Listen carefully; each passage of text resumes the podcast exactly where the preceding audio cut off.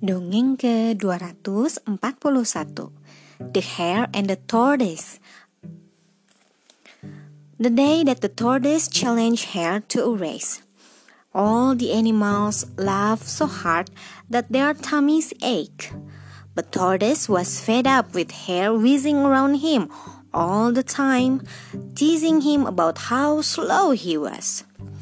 I'll show how hares if it's the last thing I do, Tortoise promised himself.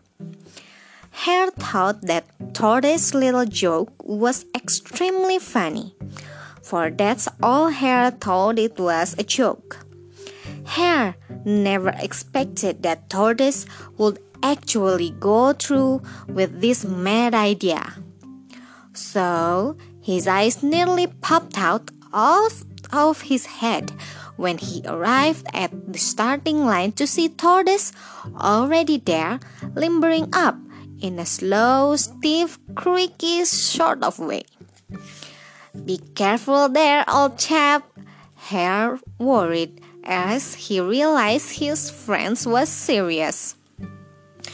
You don't want to do yourself an injury. Don't worry about me, replies Tortoise. You should be working out how you're going to beat me. Ha! You won't see me for a dust. A huge crowd of animals had gathered to watch the race, and they all cheered and clapped and jumped up and down at Tortoise's bold remark. Suddenly, Hare started to feel rather annoyed. All right then, if that is the way you want it, he snapped. I was going to give you a head start, but obviously you won't be wanting one. No need, breathed Tortoise, although his little heart was pumping inside his shell. First one to the windmill is the winner. Hare peered into the distance. The windmill was three fields away. He could get there in less than a minute without losing his breath. But Surely it would take Tortoise all day to reach it. Three, three, two, one! cried Barn Owl, and Tortoise lifted one leg off over the starting line amid thunderous applause. The stunned hare watched in amazement as Tortoise began to crawl slowly away. Well, you have to hand it to Tortoise. Thought, seeing the funny side of the things again. He certainly got a good sense of humor and a lot of guts. Hare sat down next to the starting line under a shady tree.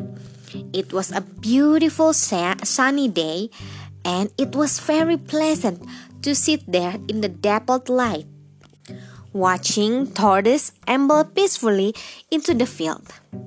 Hare's eyes shut and his head drooped before he even realized he was sleepy. Meanwhile, Tortoise was remembering what his mom had told him as a child. Slow and steady does it, son. Slow and steady does it. And Tortoise kept on going and didn't give up. Hare didn't wake up until the night air was so cold that it was freezing his whiskers. Where am I? he thought, and then suddenly he remembered the race. Hare leaped to his feet and squinted into the moonlight. But there was no sign of Tortoise. All at once he heard a faint sound of cheering coming from a long way off, and he saw tiny dark figures jumping up and down around the windmill. Surely not! Hare gasped and shot off over the fields like an arrow. He arrived at the windmill just in time to see all the animals hoisting Tortoise, the champion, on their shoulders. And of course, after that, Hare never ever teased his friend about being slow again. Sekian, terima kasih telah mendengarkan. Selamat malam.